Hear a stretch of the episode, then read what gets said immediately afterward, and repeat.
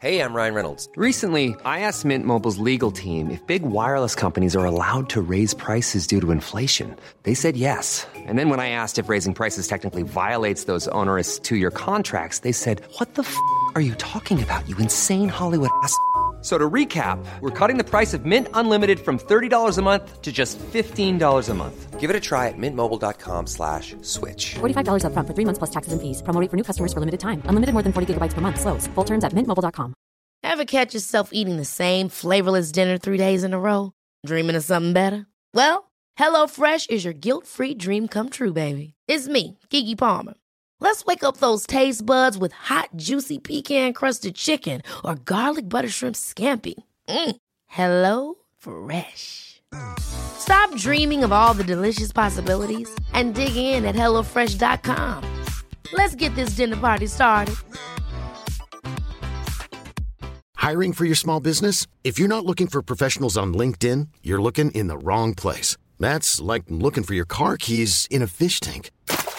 LinkedIn helps you hire professionals you can't find anywhere else, even those who aren't actively searching for a new job but might be open to the perfect role. In a given month, over 70% of LinkedIn users don't even visit other leading job sites. So start looking in the right place. With LinkedIn, you can hire professionals like a professional. Post your free job on linkedin.com slash achieve today.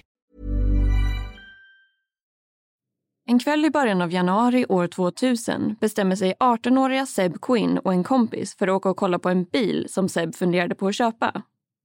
De här planerna förändras dock efter ett meddelande som kommer in till Sebs personsökare. Han får helt plötsligt väldigt bråttom och kör iväg från platsen och det här uppges vara sista gången som Seb har setts till. Under de kommande dagarna, veckorna, månaderna och åren kommer däremot fler och fler bisarra detaljer upp i det här fallet och det dröjer mer än 15 år innan någon grips för försvinnandet och det antagna mordet på Seb Quinn. Frågan som många fortfarande ställer sig är däremot om det faktiskt är rätt person.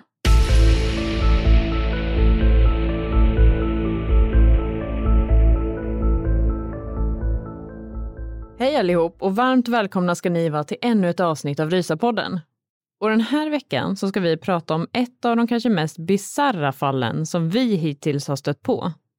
Det handlar nämligen om ett försvinnande och med största sannolikhet även ett mord. Och på pappret så är det egentligen mer eller mindre löst. Men det som gör att många tror att det kanske ändå inte är löst är faktumet att det fortfarande finns så extremt många obesvarade frågor kring själva försvinnandet och framför allt tiden efteråt. Ja, och normalt sett är ju fall som handlar om just försvinnanden alltid väldigt förvirrande och framförallt väldigt svåra att få grepp om. Men just det här fallet är faktiskt på en helt ny nivå.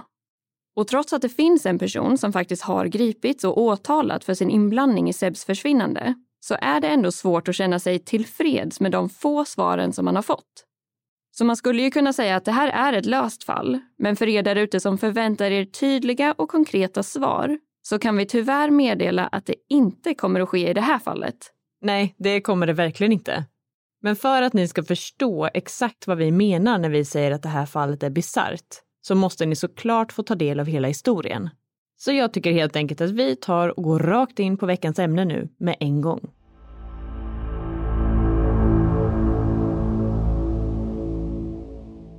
Seb Quinn föddes den 12 maj år 1981. Han växte upp i staden Asheville som ligger i delstaten North Carolina i USA. Sebs föräldrar skilde sig när han var väldigt liten och han växte upp tillsammans med sin mamma Denise Vlahakis och sin syster Brandy.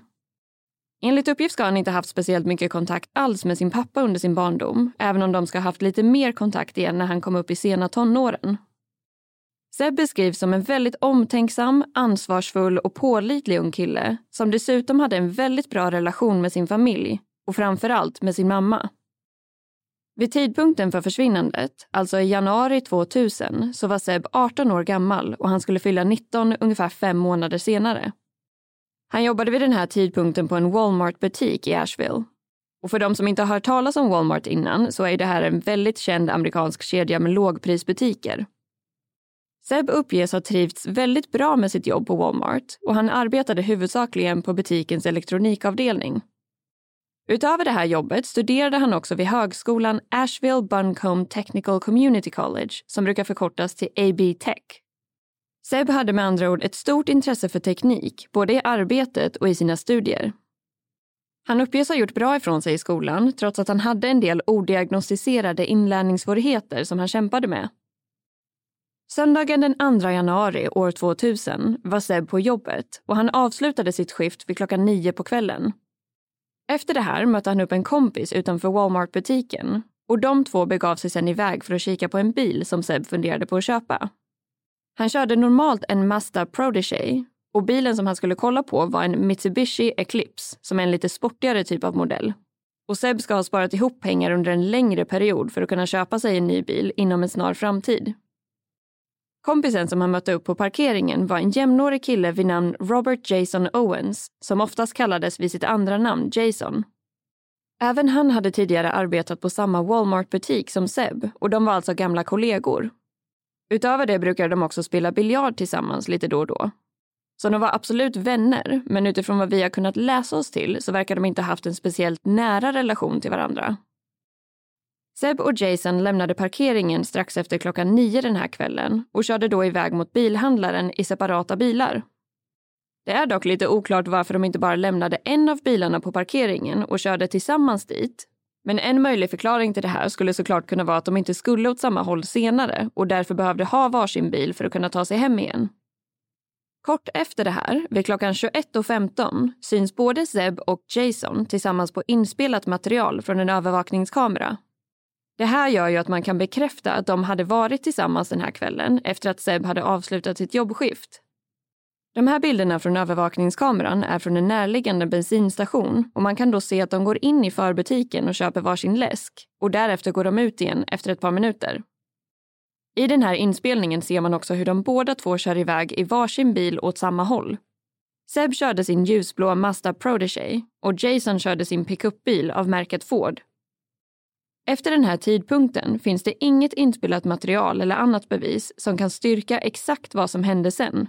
Utan den informationen man utgår ifrån i den här tidslinjen är baserad på vad Jason har sagt till polisen om den här kvällen. Och enligt Jason ska de sen ha fortsatt köra i sina separata bilar en liten stund efter att de lämnat bensinstationen.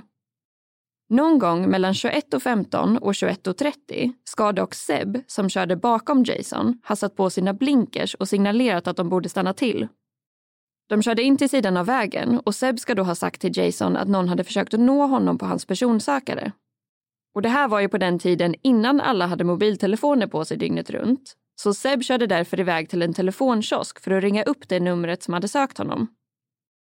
Ungefär tio minuter senare kom han tillbaka till platsen där Jason väntade och Seb ska då ha verkat extremt uppriven och nästintill hysterisk. Enligt Jason ska han däremot inte ha förklarat vad som hade hänt eller vem han hade pratat med. Utan han ska bara ha sagt att han tyvärr inte kunde åka och kolla på den här bilen längre och att han var tvungen att åka. I samband med att Seb kom tillbaka från telefonkiosken eller i samband med att han åkte iväg igen ska han dessutom ha råkat köra in i bakdelen av Jasons bil. Det förekommer helt enkelt lite olika information där ute gällande exakt när det här inträffade.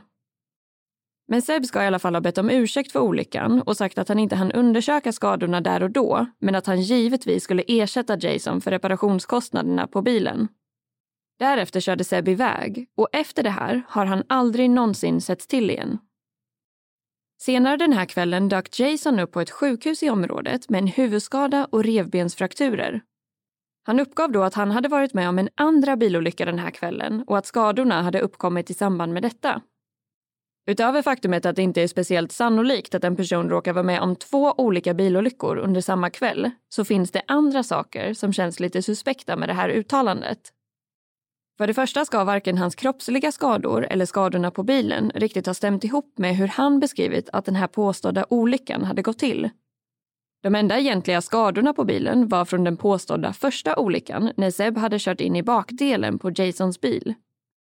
Och för det andra så finns det ingen registrerad olycksrapport om den här incidenten hos varken polis eller försäkringsbolag. Vilket är lite märkligt med tanke på att Jason ändå hade skadat sig tillräckligt mycket för att behöva uppsöka sjukhus. Det fanns heller inga vittnen till den här andra olyckan som ska ha ägt rum och där Jason ska ha blivit skadad. Dagen efter det här, alltså måndagen den 3 januari, så hade Sebs mamma Denise blivit extremt orolig eftersom att han inte hade kommit hem kvällen innan och inte heller hört av sig med någon förklaring. Han brukade normalt vara väldigt duktig på att höra av sig och meddela sin mamma vad hans planer var och när han skulle komma hem. Hon förstod därför direkt att det var något som inte stämde och kontaktade därför den lokala polisstationen i Asheville och anmälde honom försvunnen. Dagen efter det här, tisdagen den 4 januari, tog en av Sebs kollegor på Walmart emot ett telefonsamtal från en man som påstod sig vara Seb. Mannen förklarade då att han dessvärre hade blivit sjuk och därför inte skulle ha möjlighet att komma in till jobbet den här dagen. Den här kollegan var dock väl bekant med Sebs röst och hade därför en stark misstanke om att det faktiskt var någon annan som ringde och som helt enkelt låtsades vara honom. Det här samtalet kunde senare spåras till en Volvo-fabrik i området och en av deras anställda var ingen mindre än Jason. När polisen fick reda på det här tog de in honom på förhör och frågade om det var han som låg bakom samtalet. Jason ska då ha erkänt att det var han som hade ringt till Walmart och låtsats vara Seb. Däremot ska han ha förklarat att han hade ringt det här telefonsamtalet eftersom att Seb hade bett honom att göra det. Och givetvis kan man ju då ställa sig frågan varför han skulle be Jason att ringa ett sånt här typ av samtal åt honom. För man kan ju tänka sig att det tar längre tid att be någon att ringa och ge dem numret och förklara vad de skulle säga än att faktiskt bara ringa samtalet själv. Så det här är bara en av väldigt många märkliga detaljer i det här fallet. Och från och med nu kommer dessutom allting bara att bli mer och mer förvirrande. Enligt Jasons utsaga hade ju Seb fått ett meddelande på sin personsökare under kvällen då han försvann. Han ska dessutom ha verkat ganska så upprörd och stressad efter det här, även om det inte var helt tydligt varför. Även om man kanske börjat misstänka att Jason eventuellt dolde någonting så visade det sig att han hade talat sanning gällande just den här detaljen. Polisen lyckades nämligen spåra det numret som hade skickat meddelandet till Sebs personsökare strax innan klockan 21.30 den här kvällen. Och vi har utan något vidare resultat försökt ta reda på exakt hur de lyckades få fram den här informationen eftersom det inte finns några uppgifter om att man någonsin har hittat själva personsökaren. Men man får väl helt enkelt anta att det gick att spåra enheten på något annat vis och att polisen på den vägen kunde fastställa vilka nummer som hade sökt honom under den senaste tiden. Det meddelandet som kom in till Sebs personsökare under kvällen visade sig i alla fall vara från Sebs faster, Aina Ustage. Hon bodde också i Asheville, men de ska inte haft speciellt mycket kontakt alls med varandra. Polisen lyckades få fram att det här meddelandet, eller sökningen, kom från Ainas hemtelefon. Hon ska däremot ha sagt till polisen att det omöjligt kunde ha varit hon som kontaktat Seb den här kvällen eftersom att hon inte hade varit hemma vid den tiden. Hon hade nämligen varit borta på en middagsbjudning hos sin väninna, Tamra Taylor. Det här råkade dessutom vara mamman till en tjej som heter Misty Taylor som Seb ska ha haft någon form av relation med. Vissa källor uppger att de bara var goda vänner. Andra uppger att de var pojkvän och flickvän. Och de allra flesta källorna uppger att de ska ha haft lite av en hemlig flört eller romans. Misty hade nämligen redan en annan pojkvän som heter Wesley Smith. Enligt uppgift ska Seb ha berättat för vissa personer i hans närhet att Wesley och Misty hade ett destruktivt eller skadligt förhållande. Han ska nämligen ha uttalat sig om att Wesley var abusive och det är lite svårt att avgöra exakt vad det innebär. Det kan ju betyda allt ifrån att han sa elaka och kränkande saker till att han var våldsam och fysiskt skadade Misty. Utöver det så är det också svårt att veta om det faktiskt ens låg någon sanning i det här uttalandet från Seb. Eller om det kanske bara var något som sades i stundens hetta eller eventuellt missförstods av mottagaren. Han ska också ha uttalat sig om att Wesley hade fått reda på att Seb och Misty hade någon form av opassande kontakt med varandra och att Wesley då ska ha blivit väldigt upprörd över det här och hotat Seb. Men som sagt var ju fasten Aina på middag hemma hos Mistys mamma Tamra under just den kvällen som Seb försvann. De var dock inte ensamma där, för både Misty och Wesley ska nämligen också ha varit på plats under middagen. Och då kan man ju undra hur det kommer sig att Sebs faster, eller någon annan med tillgång till hennes hemtelefon, skulle kontakta Seb just den kvällen när hon ska ha umgåtts med Misty Taylor, som han hade en direkt koppling till och på ett eller annat sätt var intresserad av. Aina förklarade ju som sagt för polisen att hon inte hade varit hemma och att det alltså inte kunde ha varit hon som hade slagit numret till Sebs personsökare den här kvällen. Allt det här verkar ju lite suspekt och det som sen bidrar till ännu mer förvirring är faktumet att Aina senare gjorde en polisanmälan där hon uppgav att någon måste ha gjort inbrott i hennes hem under kvällen som Seb försvann. Det verkade dock inte som att någonting faktiskt hade försvunnit från bostaden eller blivit stulet, utan det som gjorde henne misstänkt var bland annat att några tavelramar hade flyttats omkring. Det är dock inte helt enkelt att tolka hur pass allvarligt polisen tog det här ärendet, och om de till exempel undersökte om det fanns några fingeravtryck på hemtelefonen som inte tillhörde Aina själv eller någon annan i hennes närhet.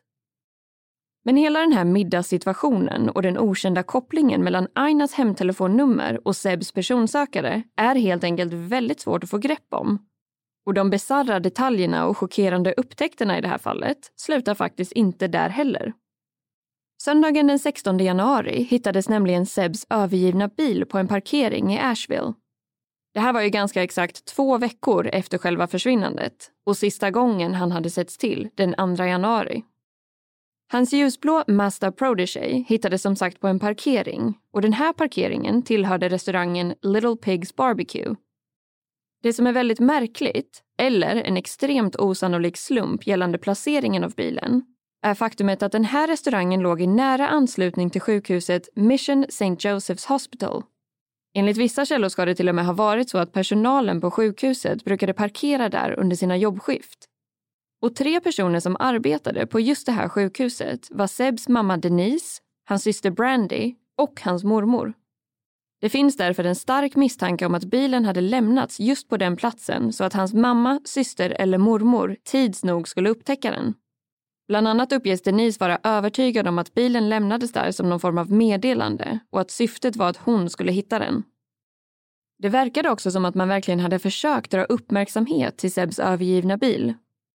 På bakrutan hade man nämligen ritat ett par stora läppar och vad som ser ut ungefär som ett utropstecken med hjälp av ett läppstift i en orange-rosa färg. Inuti bilen hittades bland annat ett antal dryckesflaskor eller läskflaskor man hittade också ett nyckelkort i plast från ett hotell i bilen. Men polisen har aldrig lyckats spåra vilket hotell det faktiskt tillhörde. Man kan ju dock fundera över om det ens var ett nyckelkort till just ett hotell eftersom det inte fanns något namn eller någon märkning på det. För det finns ju såklart en hel del andra platser som använder sig av den här typen av nyckelkort, som bland annat gym och vissa arbetsplatser. Men det är just hotellkort som nämns, så troligtvis finns det ju säkert en rimlig förklaring till det.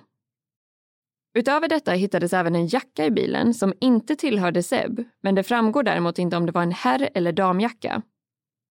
Förarsätet i bilen hade justerats och flyttat fram en hel del, vilket indikerade att den personen som senast körde bilen var betydligt kortare än Seb. Eller att någon helt enkelt ville att polisen skulle tro att det var så och att syftet istället hade varit att förvirra och vilseleda i utredningen. Sen kommer vi till den mest bizarra upptäckten som gjordes i Sebs bil Nämligen en levande svart labradorvalp som uppskattades vara ungefär tre månader gammal. Och med tanke på att hon fortfarande var vid liv och i någorlunda bra skick så är teorin att bilen inte hade stått där speciellt länge innan den upptäcktes. Alternativt att den hade stått där ett tag men att hundvalpen inte hade befunnit sig i bilen speciellt länge. Det finns också vissa som tror att hundvalpen placerades i bilen för att säkerställa att bilen skulle hittas eftersom de flesta av oss säkerligen skulle reagera på att en liten hundvalp satt helt ensam i en bil på en parkering. Lyckligtvis var ju det här i januari månad snarare än mitt i sommaren, för i det fallet hade ju inte den här hundvalpen klarat sig speciellt länge inlåst i bilen. Och jag kan tänka mig att många av er just nu sitter och undrar vad som hände med den här hundvalpen sen. Och då kan jag i alla fall erbjuda någon form av ljusglimt i det här annars väldigt tragiska fallet. En av poliserna som jobbade med den här utredningen bestämde sig nämligen för att adoptera den här lilla valpen och såg till att hon fick ett tryggt hem. Men man har aldrig riktigt förstått om det fanns någon form av dolt budskap kopplat till läpparna som ritats på bilen eller kring den här hundvalpen. En teori som dyker upp lite här och var är att den eller de som låg bakom Sebs försvinnande skulle ha lämnat hundvalpen i bilen för att ge tillbaka något till hans familj. En annan teori är att läpparna som hade ritats med hjälp av ett läppstift på något vis ska ha symboliserat Sebs påstådda relation med Misty Taylor. Men det kan ju såklart finnas väldigt många andra förklaringar till varför bilen hittades just där den gjorde. Vilket skick den befann sig i och vilka saker som hittades inuti. Polisen undersökte Sebs bil och skickade iväg allt innehåll för forensisk analys. Men det här arbetet ledde dessvärre inte heller till några nya spår eller ledtrådar.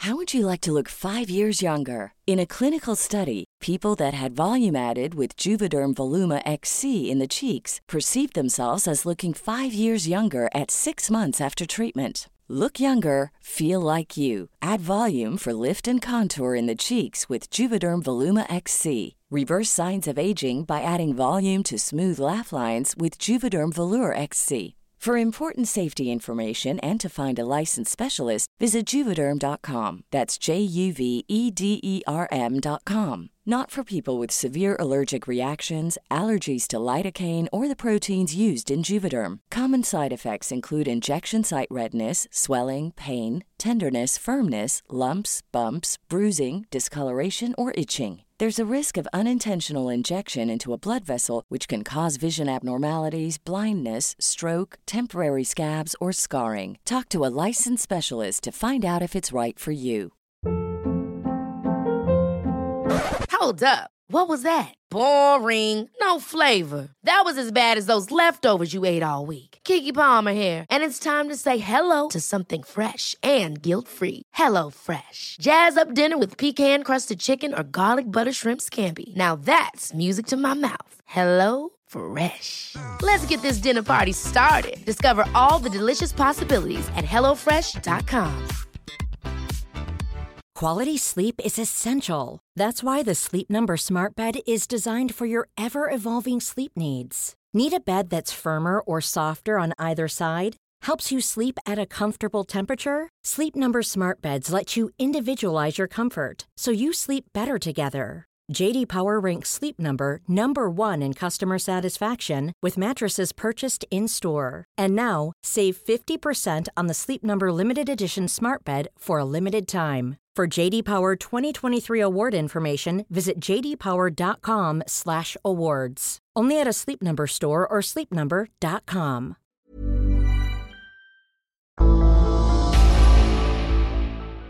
Vid det här laget så kan man konstatera att det här fallet är extremt förvirrande.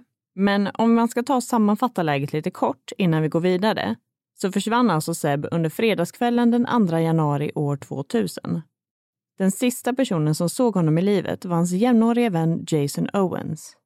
Han uppger att Seb blev upprörd efter att han hade mottagit ett meddelande på sin personsökare under kvällen och att han sedan åkte därifrån och att det här dessutom var sista gången de sågs. Jason dyker upp på ett lokalt sjukhus senare den här kvällen med en huvudskada och frakturer på revbenen. Han påstår att han har fått de här skadorna i samband med en andra bilolycka under kvällen. Två dagar senare så ringer Jason till Walmart och låtsas vara Seb som sjukanmäler sig. Han erkände för polisen att han ringde det här samtalet men hävdade att Seb hade bett honom att göra det. Men meddelandet som Seb fick under kvällen kom som sagt från hans fasters hemtelefon. Hon påstår dock att hon inte var hemma och att hon var på middag hos sin kompis Tamara Taylor. På plats var även hennes dotter Misty Taylor som Seb var intresserad av och hennes pojkvän Wesley. Fasten Aina gjorde sen en polisanmälan då hon påstod att någon hade gjort inbrott i hennes bostad under just den här kvällen.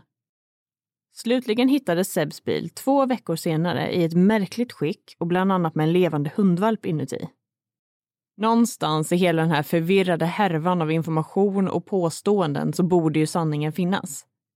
Antingen så handlar det här om en rad slumpmässiga händelser som inte alls är kopplade till varandra. Eller så kanske det är helt tvärtom. Det vill säga att det här var extremt noga planerat och att inget alls var lämnat åt slumpen. Men som man kanske kan förstå så hade ju polisen en hel del fokus på Jason eftersom att hans story inte kändes helt trovärdig och att han hade betett sig väldigt märkligt efter Sebs försvinnande. Dels på grund av besöket på sjukhuset och den mystiska och odokumenterade bilolyckan. Men framför allt eftersom att han hade ringt in till Walmart och låtsats vara Seb som sjukanmälde sig. Utöver det så var han ju faktiskt också den sista personen som man med säkerhet vet att Seb träffade innan han försvann. Polisen misstänkte redan från start att någonting inte riktigt stämde kring Jasons vittnesmål och han blev därför förhörd flertalet gånger och väldigt noga utredd. Det ska däremot inte ha funnits tillräckligt mycket konkret bevisföring som talade för att han skulle ha varit inblandad och polisen ska därför inte heller ha haft möjligheten att söka igenom hans bostad eller egendom. En tid efter att Sebs bil hade upptäckts på parkeringen så hörde ett par av sig till polisen och sa att de tyckte sig ha sett just den här bilen köras omkring i närheten av sjukhuset där den hittades. Utifrån deras vittnesmål så tog polisen fram en skiss av den personen som ska ha kört bilen vid det här tillfället. De noterade senare att individen på den här skissen hade en hel del likheter med Misty Taylor. Det ska dock sägas att det här är en fruktansvärt dålig skiss och att det knappt ser ut som en människa överhuvudtaget. Eller en ganska skrämmande version av en människa i sånt fall. Så eventuellt så skulle den ju faktiskt kunna tolkas lite hur som helst. Bland annat så finns den här skissen med på diverse olika hemsidor där man listar de mest obehagliga och skrämmande skisserna relaterade till kända utredningar. Det här paret ska dessutom ha uppgett att det här ägde rum strax innan bilen hade upptäckts. Så många ställer sig därför frågande till det här vittnesmålet. För om de hade koll på fallet och utredningen, till exempel att polisen hade gått ut och efterlyst den här bilen och därmed visste att Sebs bil var försvunnen, varför hörde de då inte av sig till polisen så fort de såg den? Varför väntade de i så fall tills dess att bilen hade dykt upp? Och om de inte visste att det var något speciellt med bilen och att den var relevant för den här utredningen, varför la de då ens märke till den och mer specifikt hur föraren såg ut? Så även det här är ju en högst märklig detalj i fallet. Och det är också svårt att veta hur mycket vikt man faktiskt kan eller bör lägga vid det här vittnesmålet. Det vore också väldigt intressant att veta mer om det här paret som ska ha sett det här. Och om de kanske hade någon koppling till någon av de personerna som kan anses vara av intresse i utredningen. Kanske kunde det vara Jason som bad de här personerna att kontakta polisen och säga att de hade sett en kvinnlig förare för att leda bort misstankarna från honom. Han kan ju såklart också ha skjutit fram förarsätet i bilen och målat med läppstiftet på bakrutan som en del av den här planen att försöka sätta dit Misty för något som han själv hade gjort. Både Misty Taylor och hennes pojkvän Wesley Smith ska ha blivit utredda av polisen i Asheville. Men vad vi vet så finns det inget som tyder på att någon av dem ska ha varit inblandade i Sebs försvinnande. Så sent som år 2009 så samlade polisen in prover av hår, saliv och fingeravtryck från Misty. Men de ska samtidigt ha uttalat sig om att hon inte ses som misstänkt i fallet. Själva utredningen kring Sebs försvinnande stod sedan ganska så stilla under väldigt många år det fanns inget tydligt motiv, det fanns ingen kropp och det var inga avgörande bevisföremål som var tillräckliga för att kunna bevisa vem eller vilka som kan ha varit ansvariga för Sebs försvinnande. Fallet svalnade sedan mer och mer för varje år som passerade.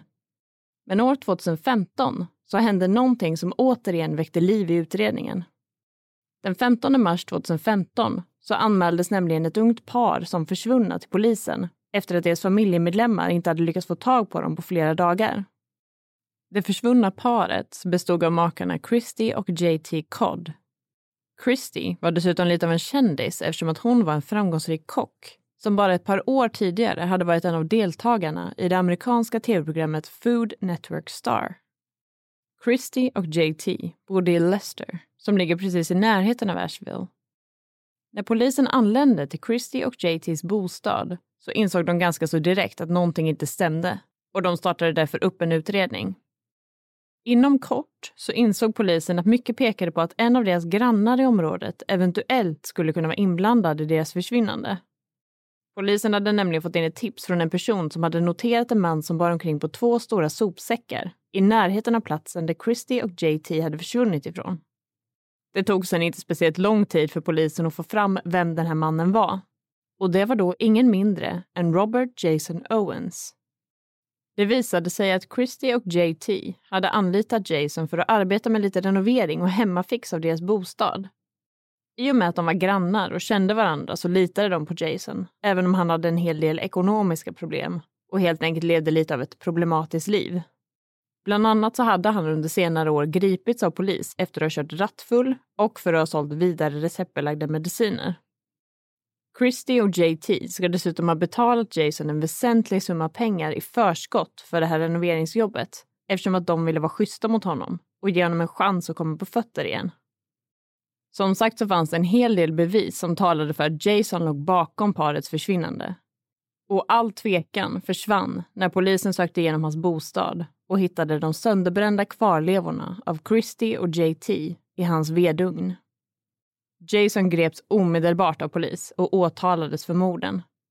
Det visade sig också att Christie var gravid med parets första barn vid tidpunkten för mordet. Så med andra ord så var han faktiskt ansvarig för totalt tre mord. Under rättegången så erkände Jason att han hade mördat familjen Codd. Men han hävdade att det var en olycka och att han hade råkat köra över dem med bilen i samband med att han var påverkad av receptbelagd medicin I ren panik så hade Jason sen bestämt sig för att göra sig av med kropparna för att slippa hamna i fängelse. Han hade därför styckat upp kropparna och bränt upp kvarlevorna i vedugnen. I april 2017 så dömdes Jason för morden på Christie, JT och deras ofödda barn. Åklagarsidan och försvaret lyckades till slut komma fram till en uppgörelse, eller en så kallad plea deal, där Jason genom att erkänna sig skyldig till morden fick ett något mildare straff. På det här viset så lyckades han komma undan att dömas till dödsstraff, som fortfarande är lagligt i delstaten North Carolina. Det var nämligen det straffet som åklagarsidan egentligen ville att Jason skulle dömas till. Men domen blev istället livstid och att han skulle spendera mellan 60 till 75 år i fängelse utan möjlighet till frigivning. Men i samband med att han greps för morden på familjen Codd så återupptog polisen utredningen av Jason för hans eventuella inblandning i Sebs försvinnande. Det var ju nu bevisat att Jason faktiskt var kapabel till att mörda personer som han var bekant med och som han kanske till och med skulle kunna kalla för sina vänner. En annan likhet i de två fallen var ju också att båda händelseförloppen, enligt Jason själv, hade involverat en eller flera bilolyckor. En tid efter själva gripandet så genomsökte polisen Jasons bostad och den tillhörande tomtytan. De hade nämligen fått in ett tips från en av Jasons släktingar som uppgav att han hade byggt en fiskdamm på sin tomt kort efter att Seb hade försvunnit i början av år 2000. Men en tid senare så hade han däremot valt att täcka över och fylla ut den här dammen med cement. Polisen tog därför med sig ett helt team som noggrant grävde runt och genomsökte hela området kring Jasons bostad, inklusive den nu cementfyllda fiskdammen. Enligt uppgift så ska de då ha hittat vad som beskrivs som textilier, lädermaterial och okända solida eller hårda fragment under ett lager av cement på tomten. Polisen har dock aldrig gått ut med exakt vad det här var för någon typ av fragment och om de misstänker att det har något att göra med Sebs utredning. Utöver det här ska polisen även ha upptäckt mängder av plastpåsar innehållande spår av olika typer av pulver på en annan del av tomten.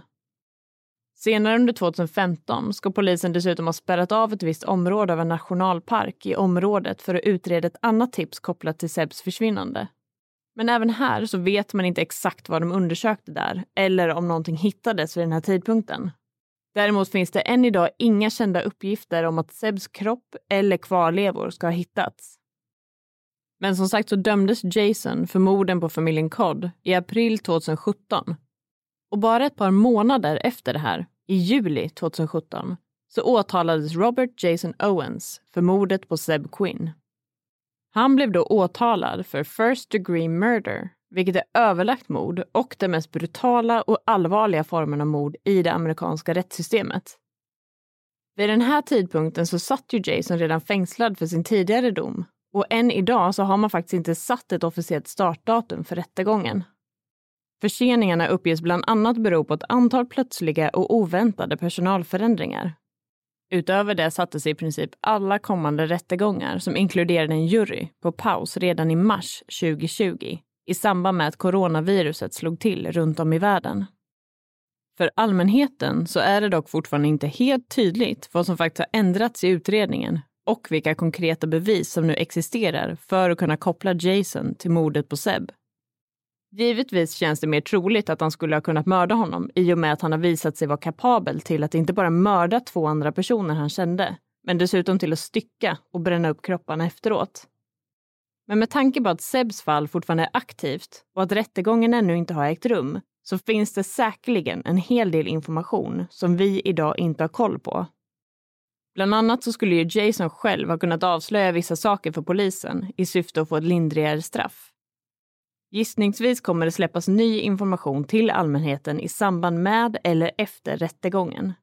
Men tills vidare får man helt enkelt ta och lita på att polisen har tillräckligt med bevis för att faktiskt kunna sätta dit Jason för mordet på Seb. Och att de med 100% säkerhet kan utesluta att någon eller några andra var inblandade i hans försvinnande. Exempelvis hans faster Aina, hans förälskelse Misty Taylor eller hennes pojkvän Wesley Smith. Samtliga av de här personerna har nekat till att ha haft någon som helst inblandning i Sebs oförklarliga försvinnande. Man har heller inte kunnat bevisa att det finns någon koppling eller länk mellan Misty, Wesley och Jason. Det finns nämligen en del teorier om att Sebs försvinnande ska vara kopplat till någon form av svartsjukedrama mellan Misty och Wesley. Bland annat så finns det tankar om att Misty ska ha anlitat Jason för att mörda Seb eftersom att hon inte ville att deras påstådda flört skulle förstöra hennes och Wesleys förhållande. En annan teori är att Wesley egentligen ska ha mördat Seb i ren ilska och svartsjuka efter att ha hotat honom under en period innan försvinnandet. I de här något konspiratoriska teorierna så tros personsökarmeddelandet som kom från fasterns hemtelefon på något sätt ha skickats av antingen Misty eller Wesley för att lura Seb att vända hemåt istället för att åka och kolla på bilen med Jason. Men precis som med allt annat i det här fallet så är de exakta detaljerna väldigt oklara. Enligt polisen i Asheville, som har ansvarat för den här utredningen, så var beslutet att åtala Jason för mordet på Seb resultatet av hårt och dedikerat arbete från utredare såväl som pågående samarbeten med medlemmar av familjen Quinn och allmänåklagare vid Buncombe County. Så på papper är det här fallet egentligen mer eller mindre löst.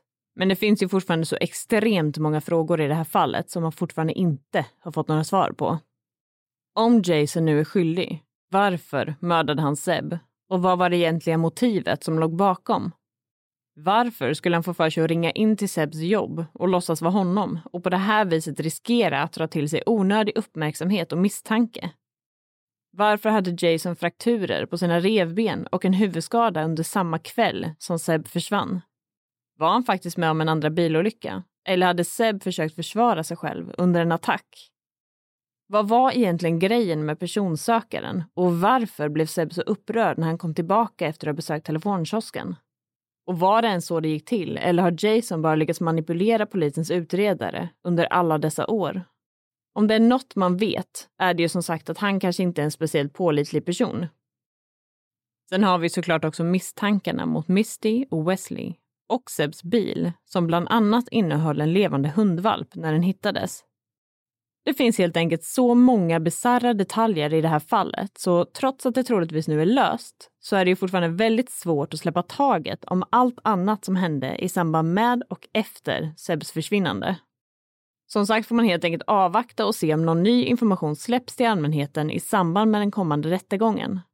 Och förhoppningsvis kan Sebs familj och anhöriga känna någon form av lättnad och tröst i faktumet att en gärningsman i alla fall har gripits och åtalats för mordet. I flera olika intervjuer med Sebs mamma Denise har hon uttalat sig om att hon alltid kommer att ha en liten strimma av hopp inom sig fram till den dagen då man faktiskt hittar en kropp.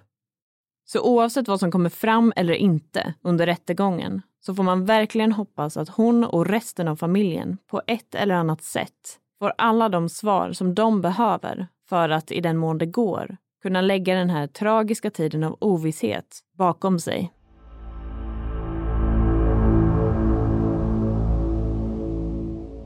Ja, vi sa ju i början att det här skulle vara ett märkligt fall och jag skulle gissa på att de flesta av er som lyssnar nu också är villiga att hålla med om det. Och som sagt är ju Robert Jason Owens åtalad för mordet på Seb Quinn. Men det vore väldigt intressant att veta vad ni alla tror om det här fallet. Jag tror också att jag talar för oss båda när jag säger att vi i alla fall fortfarande har en hel del olika funderingar som snurrar runt i huvudet efter att ha läst in oss på det här fallet. Ja, det skulle man kunna säga. Det finns också väldigt många detaljer som vi inte har lyckats hitta någon information om. Bland annat så skulle i alla fall jag vilja veta hur mycket kontanter Seb hade på sig den kvällen som han försvann. Det är nämligen inte helt tydligt om det var så att han bara skulle kolla på en bil eller om han hade tänkt köpa bilen på en gång om han tyckte om den. För om han hade massa pengar på sig så skulle ju eventuellt Jason ha kunnat mörda Seb i samband med att han försökte råna honom. Antingen med mening eller av misstag efter att ett bråk eskalerade. Samtidigt så finns det nog inte så många bilhandlare som har öppet efter klockan nio på kvällen. Och då känns det ganska märkligt att Seb skulle riskera att bära med sig massa pengar under kvällen. Men att Jason skulle kunna mörda just för ekonomisk vinning känns ju i alla fall inte helt otänkbart. Nej, och det är ju också svårt att veta vad motivet annars skulle ha kunnat vara.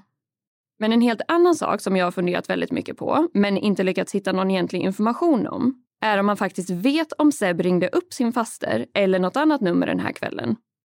Enligt Jason så åkte han ju iväg till en telefonkiosk men det verkar inte som att man har kunnat styrka det här med någon form av bevis. Och utan att ha någon form av kunskap inom det här området så känns det ju spontant som att man borde kunna spåra samtal som gjorts från alla närliggande telefonkiosker vid ungefär den tiden. Eller åtminstone se om det ens ringdes några samtal vid den tiden. Eller kanske se om Seb fanns med på någon övervakningskamera i närheten. Men som alltid finns det ju såklart information som aldrig släpps till allmänheten. Men lite märkligt tycker jag ändå att det känns. Ja, men det kan jag verkligen hålla med om, för att det här är ju mer eller mindre det händelseförloppet som fallet baseras på. Och det är ju lite problematiskt eftersom polisen pratade med Jason när de inte visste att han var gärningsmannen. Om han nu är det vill säga. Men att han är grovt kriminell och kapabel till fruktansvärda handlingar, det går i alla fall inte att säga något om. Och oavsett vad så är det ju väldigt bra att han redan sitter fängslad i väntan på rättegång. Ja, och speciellt med tanke på att det nu har dröjt flera år och troligtvis kommer dröja ännu ett tag innan det väl blir dags. Och en annan sak som faktiskt är värd att nämna är att det finns väldigt mycket motstridig information i det här fallet. Kanske mer så än i något annat fall som vi har researchat tidigare. Det känns nämligen som att det finns en hel del detaljer som har blandats ihop och rapporterats fel någonstans. Så det gör ju såklart att det blir ännu mer förvirrande att försöka förstå hela det här händelseförloppet. Men vi har såklart gjort så gott vi har kunnat för att försöka använda de uppgifter som förekommer mest frekvent och som kommer från de källor som vi anser vara mest trovärdiga. Men vi hoppas i alla fall att ni har tyckt att det här varit ett intressant fall att ta del av. Och det vore som sagt väldigt spännande att få ta del av era tankar och vad ni tror kan ha hänt. Så om ni har någon bra teori kring allt det här med personsökaren, Misty och Wesley, läppstiftet och den lilla hundvalpen som hittades i bilen så får ni mer än gärna dela med er. Ja, och till exempel så skulle ni kunna skriva ner era funderingar i en kommentar under själva bilden för det här avsnittet på vår Instagram eller Facebook. Det finns så många olika teorier i det här fallet, så det vore intressant att veta vilka olika riktningar alla ni som lyssnar dras åt. Tror ni att det är Jason som ligger bakom allt och att resten bara är slumpmässiga och separata händelser? Eller tror ni att Jason har blivit åtalad eftersom att han redan är dömd för mord och därför skulle kunna ses som en enkel lösning på det här fallet? Ja, men det där är faktiskt två väldigt intressanta frågor. Och för er som inte redan följer oss så kan vi ta och påminna om att vi heter Rysapodden både på Facebook och Instagram. Och med det sagt ska vi ta och runda av den här veckans avsnitt och så hörs vi igen redan nästa måndag. Så vi säger helt enkelt stort tack för att just du har valt att lyssna på det här avsnittet av Rysapodden.